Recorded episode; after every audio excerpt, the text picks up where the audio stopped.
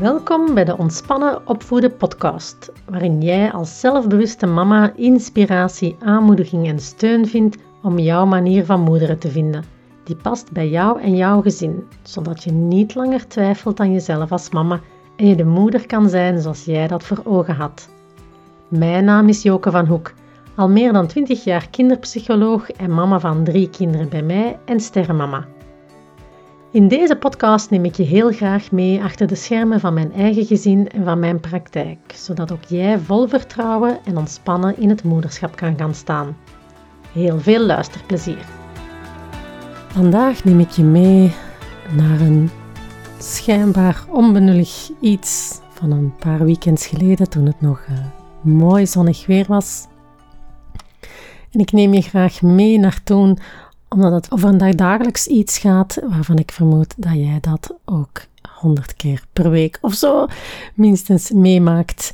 En wat ik daarin doe en wat ik daar zelf in tegenkom. En ik hoop dat het jou kan inspireren voor als jij in dezelfde situatie zit. Oké, het is weekend. Het is een uh, zonnige dag. En ik wilde daar eigenlijk graag van profiteren. Ik wist dat ik daar deugd van ging hebben, maar tegelijkertijd was er ook een stukje in mij dat niet zo goed in haar vel zat. Twee dagen later uh, ontdekte ik waarom. Ik had namelijk mijn, toen kwamen mijn regels, mijn maand stonden door en zo de laatste paar maanden voel ik mijn cycli toch precies veel meer of veel intenser en dat is voor mij toch nog wel erg aanpassen. Um, maar wat, ik zat dus eigenlijk in mijn, um, ik heb me nou beginnen inlezen, in mijn innerlijke herfst, wat ze wel eens zeggen, en op dit moment is dat niet mijn favoriete deel van mijn cyclus, omdat dat echt de periode is dat al mijn innerlijke kritische stemmen nogal heel intens zijn, um, dat er van binnen best veel donkere gedachten rondwarrelen uh, en donkere emoties daar ook, gevoelens. Um, krijg ik ook last van een soort van brain fog. Mijn hoofd zit helemaal in een mist. Dus dat maakt dat ik zo tijdens die, die periode uh, voel ik me echt niet zo stabiel en stevig. En dat zijn ook de momenten dat ik het lastiger heb als ik weerstand voel uh, vanuit de kinderen. En als ik dan zeg weerstand, dan, dan, klinkt het eigenlijk al negatief naar hun toe, terwijl het eigenlijk heel vaak... Dat is ook een interpretatie, maar daar kom ik straks op terug. Nu, dus ook, um, ik weet dat ik deugd heb als ik ga wandelen, als ik buiten ben, in de natuur ben, de zon kan voelen. En dus eigenlijk weet ik dat dat een goed idee is voor iets in mij. En mijn partner had het echt ook wel eens nodig om buiten te zijn. Dus we wilden eigenlijk gaan wandelen. En, maar de jongste had er echt helemaal geen zin in. En als ik dan mij niet zo stevig voel, me niet zo stabiel voel, dan merk ik, dan ben ik eigenlijk een grotere speelbal voor alles wat er rondom mij gebeurt. Dan word ik meer geleefd. Maar voel ik mij ook veel meer verantwoordelijk voor hoe iedereen zich rondom mij voelt. En, en voel ik een grotere drang om daaraan toe te komen. Ben ik eigenlijk best op buiten gericht, terwijl het eigenlijk mijn binnenkant komt roepen: um, zorg voor ons. Dus, maar, dus we zitten in een situatie, hè, mijn manlief loopt eigenlijk best uh, ambetant rond uh, al een heel weekend, want hij wilde eigenlijk heel graag gaan wandelen en dat was nog altijd niet gelukt. Um, hij was ook, had ook nood aan rust, wat ik helemaal snap, want ze zijn hier bij ons hier in de straat beginnen werken. Um, allee, ze zijn niet hier in straat beginnen werken, ze zijn op een aantal straten mm, parallel beginnen werken met zelfs afgesloten straten, waardoor al het autoverkeer nu langs hier komt zijn dat niet gewoon. Dus je ziet hier constant lawaai. Ik heb daar last van, maar ben daar duidelijk niet de enige in. Een man die had daar ook last van, dus die wilde echt de natuur in en vooral rust gaan zoeken. Nu, terwijl dat ik zeg, als ik zo zeg van kom we gaan wandelen, um, dan, dan trekt de jongste een heel vies gezicht, hè, als ze nog maar dat woord hoorde. En weet je wel, als ik goed in mijn vel zit, dan komt dat zo hard niet binnen, dan komt dat zo persoonlijk niet binnen. Dan is dat gewoon een antwoord van haar, terwijl nu um, komt dat nogal persoonlijk binnen en, en ik merkte dan dat dat, hoe merk ik dan dat dat persoonlijk binnenkomt? Wel, omdat ik er dan van maak als, hey mama, jij maakt mij ongelukkig. zo voelt dat dan. Terwijl op andere momenten, hm, dan, niet dat ik dat dan negeer, maar dan zie ik dat effectief louter als een teken van hoe dat zij daarover denkt. En kan ik dat beschouwen als zij wil dit en ik wil iets anders. En dus we zitten met een verschil. Hoe gaan we daarmee om? Maar nu komt dat dan binnen als uh, mama, jij zegt iets, uh, jij wilt iets doen en ik wil dat helemaal niet doen. En jij maakt me, jij bent verantwoordelijk voor mijn humeur en voor mijn gemoed. Maar ja, ik zat nog altijd met het probleem dat een, een man die wilde gaan, gaan wandelen, de jongste wilde niet gaan wandelen. En ja, ik zit dan ook in een modus dat ik eigenlijk iedereen probeer te pleasen. En dat ging nu echt niet lukken. En dan loop ik, eh, merk ik dat ik een beetje vastloop. En een man hoor ik mij het, eerste zeggen wat ik tegen de jongste zeg is: Ja, als jij niet gaat, als jij niet wilt gaan wandelen, dan kan ik ook niet gaan wandelen. Ja, daar was ik eigenlijk niet zo trots op.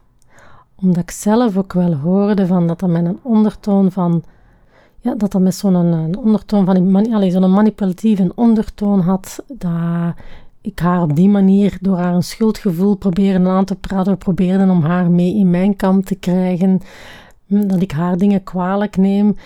Ehm, maar dat is eigenlijk niet dat ik wil. Daar wordt eigenlijk niemand van ons beter van. Dat is niet goed voor de band tussen mij en mijn dochter. En ik, zo wil ik eigenlijk ook niet zijn. Plus, ik leg ook een aantal dingen bij haar die niet van haar zijn. En dat is eigenlijk niet het soort van samenleven, samen zijn dat ik wil. Alle kon ik me dan nog. Als ik haar dat zei, kon ik dat precies zelf nog me horen zeggen. Dat ik dacht: nee, dit, dit wil ik niet. Dus ik probeerde met het um, beetje ruimte dat ik nog over had, eerst te luisteren naar haar. En vroeg ik haar, wat, wat maakt dat je niet mee wil gaan wandelen? Vragen wat maakt lijkt bij ons beter te welken dan waarom. Uh, vraag me niet waarom, dat is juist het idee. Kinderen en volwassenen vaak ook kunnen eigenlijk niet echt antwoorden op de vraag waarom. En het eerste wat ze zegt is, oh maar dat is zo ver rijden, mama. En spontane reactie, ja maar nee, dat is zo ver niet. En uh, zei, jawel, dat is zo lang rijden. Hoe lang is het dan rijden? Ik zeg, ja, dat is helemaal niet zo lang als naar. En ik vergelijk het met iets. En op die manier probeer ik het te, verleggen, te weerleggen wat dat ze zegt. Maar daardoor hoor ik eigenlijk niet wat dat ze echt wil zeggen. En volgen er eigenlijk nog meer bezwaren van haar kant. Maar mama, het bos is zo saai en dat is zoveel stappen. En ik weet dan niet wat te doen in een auto. En nog een heleboel. En ik merk dan dat, ik, dat, dat ging nog wel een beetje, dat ik mezelf um, wat moet inhouden, want um, we zijn van de zomer op vakantie geweest naar Frankrijk en dan heeft de jongste vanzelf 8, 9, 10 kilometer gewandeld. Dus op zich is de afstand niet het probleem. En het bos, ja, de, bedoel, daar, als je jonge kinderen hebt, ouderen is iets anders, maar die vindt eigenlijk een bos altijd leuk. Er is altijd van alles in te doen. Dus een bos is veel toffer dan gewone rechte baantjes buiten. Dus eigenlijk wist ik ook wel dat dat het probleem niet was. Nu, met opzet zeg ik die dingen allemaal niet tegen haar, want dan gooi ik eigenlijk het gesprek dicht.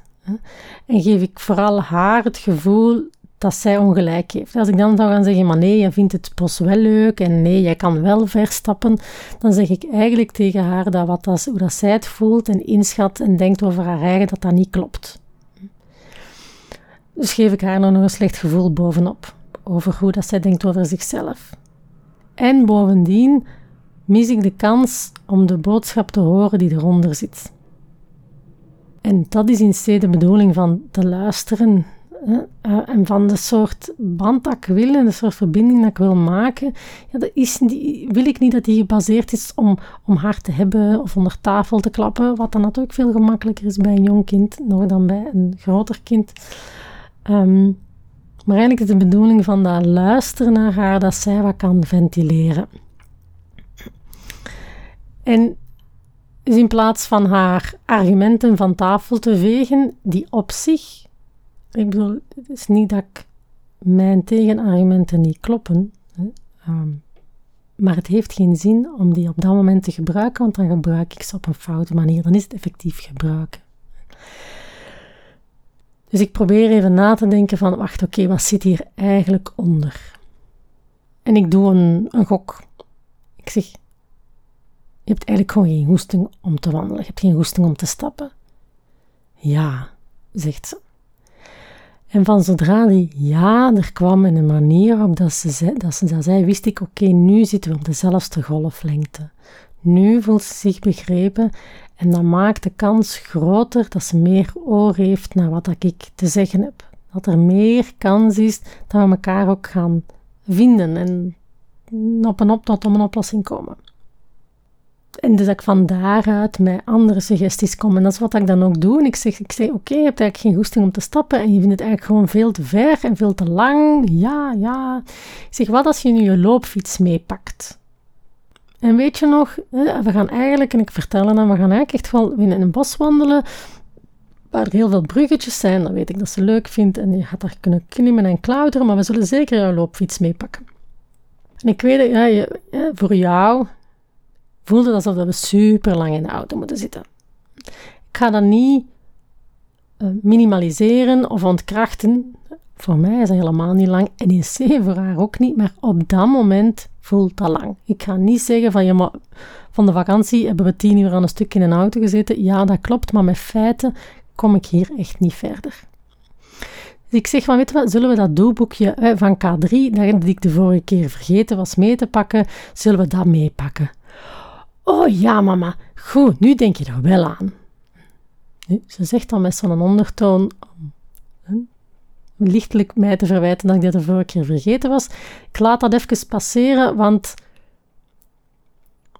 daar gaat het mij nu even niet om. Um, omdat haar opmerking, ze stapt wel mee in mijn verhaal. Ze gaat wel mee.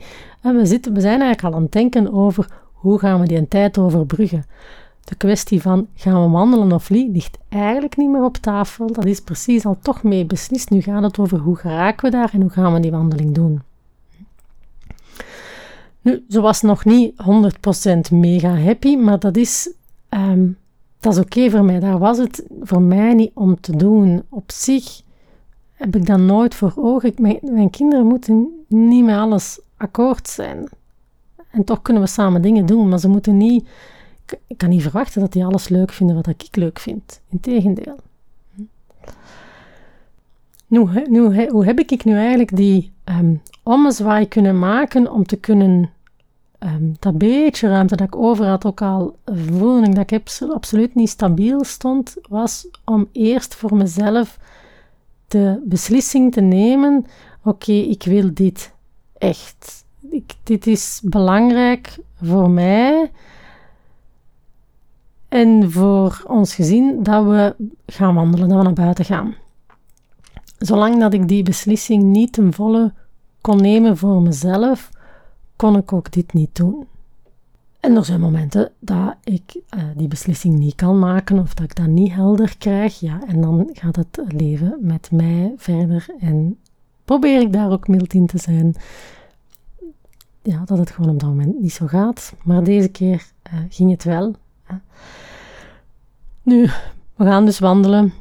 Um, we zijn geparkeerd, uh, we pakken de loopfiets mee. Hè, uiteindelijk heeft ze in een auto amper uh, haar boekjes en haar doelboekjes. En we, hebben ondertussen een standaard rugzak waarvan alles in zit voor haar.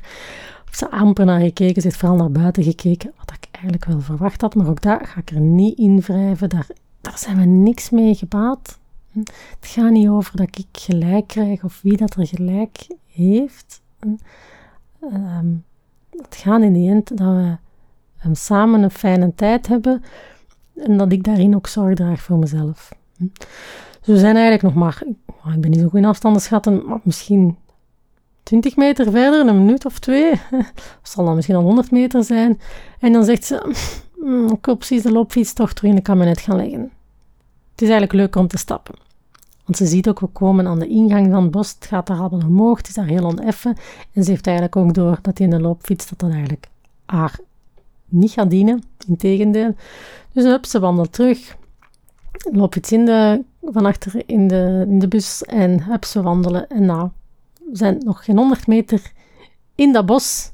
En uh, ze zegt, oh mama, het is zo leuk in het bos. En ik zie ze huppelen, trippelen en rondlopen en heen en weer lopen. En alsof heel dat voorval van daar straks niet is voorgevallen.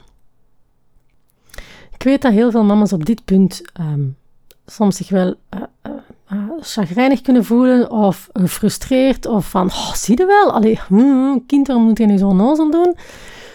Um, dat heb ik niet meer op die manier, omdat, ja, zoals ik al zei, het gaat voor mij niet om mijn gelijk te halen. Um, het gaat vooral over hoe kan ik zorg dragen voor mezelf en zorg dragen voor haar en hoe vinden we elkaar daarin. Omdat ik echt ga voor ja, een win-win situatie waar we alle twee goed uitkomen zonder dat je het gevoel hebt dat een de ene moet toegeven ten opzichte van de ander, want dan blijft er met zo een gewrongen gevoel achter zitten. Had ik kunnen voorspellen dat het zo zou lopen? Nee, eigenlijk niet. Ik wist wel dat zij op zich niks heeft tegen wandelen ik had het vooral lastig met mezelf. En, en dan, als ik het lastig heb met mezelf, dan kan ik zelf moeilijk tegen weerwoord. Kan ik moeilijk tegen negatieve uitlatingen van wie dan ook. En dan wordt moederschap wel lastig. Hè? Als je moe bent, je hebt een lastige dag gehad op het werk, je weet niet meer waar je hoofd staat, als je kind dan begint te wenen of nee zegt op een vraag, een doodgewone vraag, ja, dan verliezen we allemaal ons geduld en dan zeggen, doe je dingen dat je eigenlijk niet wilt. En ik geloof dat hoe meer je jezelf leert kennen en hoe meer dat je stilstaat bij wat je eigenlijk wilt als mama en als mens, dat je meer en meer in staat bent om jezelf een andere richting te doen uitslaan. Ook, en, en, en misschien vooral als het eerst niet loopt zoals dat je het wilt. Hè. Ook hier, ik ik, zie mij, ik hoor mij en zie mij dingen doen en ik zie mezelf worstelen. En, maar ik kijk daar vooral in eerste instantie naar mezelf en ik ben daarin niet kwaad en ambetant op mijn kind. Ik ben vooral kwaad en ambetant op mijn kind als, als het zelf mij heel hoog zit. Anders zijn dat niet meer dan haar mening, haar uitingen van wat dat zij over dingen denkt. En als ik, ja, als ik vind dat ik zelf dingen niet wil, of dingen anders wil, of dingen wel heel graag wil, of in sommige dingen geen goestingen heb, waarom, waarom zou mijn kind dat dan niet mogen? En door mezelf te leren kennen, um, had ik nu ook door wat dat kan doen was, en wat dat mijn stuk was, en wat dat van mijn kind was. Dat was mijn eerste stap. En daarna ben ik gaan inzetten op verbinding. Um, daarna, nee, eigenlijk niet daarna. Ik ben eerst gaan inzetten op verbinding met mezelf. Van, hey joh, wat is hier aan de hand? Hoe gaat het hier niet met u? Waar, waar loopt het vast? Waarom zitten nu... Um, zitten direct op uw paard als, als uw dochter nog maar vies kijkt of als, u, als lief uh, um, niet enthousiast is of kortaf is, waarom raakt u dan nu wel? Dat raakt mij niet altijd. Hè? Um, dus ik ben eerst beginnen verbinding gaan maken met mezelf en, en niet meer dan gaan erkennen hoe is het nu met mij. En, en, en te erkennen, het gaat me moeilijk af. En dan te proberen zo mild mogelijk te zijn voor mezelf. Misschien nog het moeilijkst van al, voor mij toch zeker op dit moment. En daarna kon ik verbinding maken met haar. Op zich is dat een stukje techniek, maar dat is ook een techniek die niet werkt als techniek. Hè. Um, ik zou u bij manier van spreken um, een een of ander template kunnen geven van welke zinnetjes kan je zeggen als je kind nee zegt of geen goesting heeft. Ja, dat ga, kan je dat geven, maar dat gaat niet werken als je dat zegt met een gefrustreerde ondertoon. Had ik dat nu gezegd, dan had dat niet gewerkt. Dan hadden wij gewoon nog verder in een um, gevecht is overdreven, maar in een weerwoord gekomen van nee, ik heb geen goesting, maar jawel, en als jij niet meegaat, dan kan ik niet gaan wandelen. Ja, maar, enfin, je, voelt al welke richting dat het gaat gaan. Maar mama, dat is kei lang en ik heb er helemaal geen goesting in. Ja, maar je kunt dat toch en je hebt dat toch toen ook gedaan. En zij gefrustreerd, ik gefrustreerd. Hè? Maar in eerste instantie, de frustratie die van mij kwam, daar heb ik mee te werken. Zij zat ook met een frustratie, maar dat is van een andere orde. Daar moet ik mijn deel niet bovenop gooien. Bovendien, zij is hier het kind en zij kan al die dingen wel voelen. Bij mijn puberdochter even goed. Die voelt ook van alles, maar die hebben nog niet de tools om daarmee om te gaan. En als ik er mijn stuk bovenop gooi, maak ik het erger. En ja, dat gebeurt. Ja, dat maakt niet dat ik een slechte moeder ben. Dat is vooral veel mildheid naar mezelf en het daarna terug gaan herstellen en terug verbinding maken met hun. Maar als ik mijn frustratie er bovenop gooi, dan is dat nog meer olie op het vuur. Dus ik moest eerst dat plekje in mezelf vinden van waaruit ik echt kon luisteren naar haar. En als ik dat vind, dan kan ik, dan kan ik echt verbinding maken met haar of met om even wie ook. En dan kan ik ook veel beter die weerstand opvangen, omdat dat dan ook helemaal niet meer persoonlijk aanvoelt in de zin van tegen mij gericht of zo. Um, dan voel ik ook niet de nood om dat luisteren te gebruiken als een manipulatieve techniek, want dat kan gerust, hè, om haar aan mijn kant te krijgen. Maar dat gaat niet werken. En als ik dat plekje vind, dan wil dat vaak ook wel zeggen dat mijn frustratie, die is niet weg, maar die gaat niet meer alleroverheersend zijn. En dat op zich al brengt dan wel wat rust, dus in die zin een win-win situatie. Wil jij ook meer stilstaan, meer reflecteren bij jezelf in die alledaagse situaties die zich voordoen met je kind, om daardoor meer dat plekje in jezelf te vinden van waaruit dat je met rust, of voldoende rust, kunt reageren op wat er gaande is, zodat je, dat het geen machtsspelletje wordt, maar dat je elkaar halverwege vindt, zodat je zowel zorg draagt voor jezelf, wat dat je zelf nodig hebt, als je kind, dan ben je van harte welkom voor een gesprek bij mij thuis. Het is te zeggen in mijn busje, of we gaan wandelen. En, en dan deel ik graag wat van mijn kennis, maar wil ik vooral ook luisteren naar jouw verhaal en aan de hand daarvan jou de tools geven zodat jij daar thuis mee aan de slag kunt en jouzelf beter leert kennen Jij kent jezelf in C het beste, maar het is niet altijd even gemakkelijk hoe dat je dat doet en hoe dat je kan zelf, luisteren naar jezelf. Ben ik heel graag jouw warme spiegel, zodat jij die warmte eh, kunt meenemen naar huis en die rust en zo jouw weg vindt in jouw moederschap. Lijkt dat iets voor jou? Stuur me een mailtje op joke.ontspannenopvoeden.be of surf naar mijn website www.ontspannenopvoeden.be en boek een afspraak in mijn agenda. Heb je dit jaar voor je kind nog geen afspraak gehad bij een geconventioneerd psycholoog, dan kan dat vanaf nu ook bij mij. En dan wil dan zeggen dat die eerste afspraak gratis is en dat de volgende afspraken ook via terugbetaling kunnen lopen. Vraag je af of je daar in aanmerking komt? Stuur me een mailtje en dan vertel ik je er graag meer over. Tot een volgende.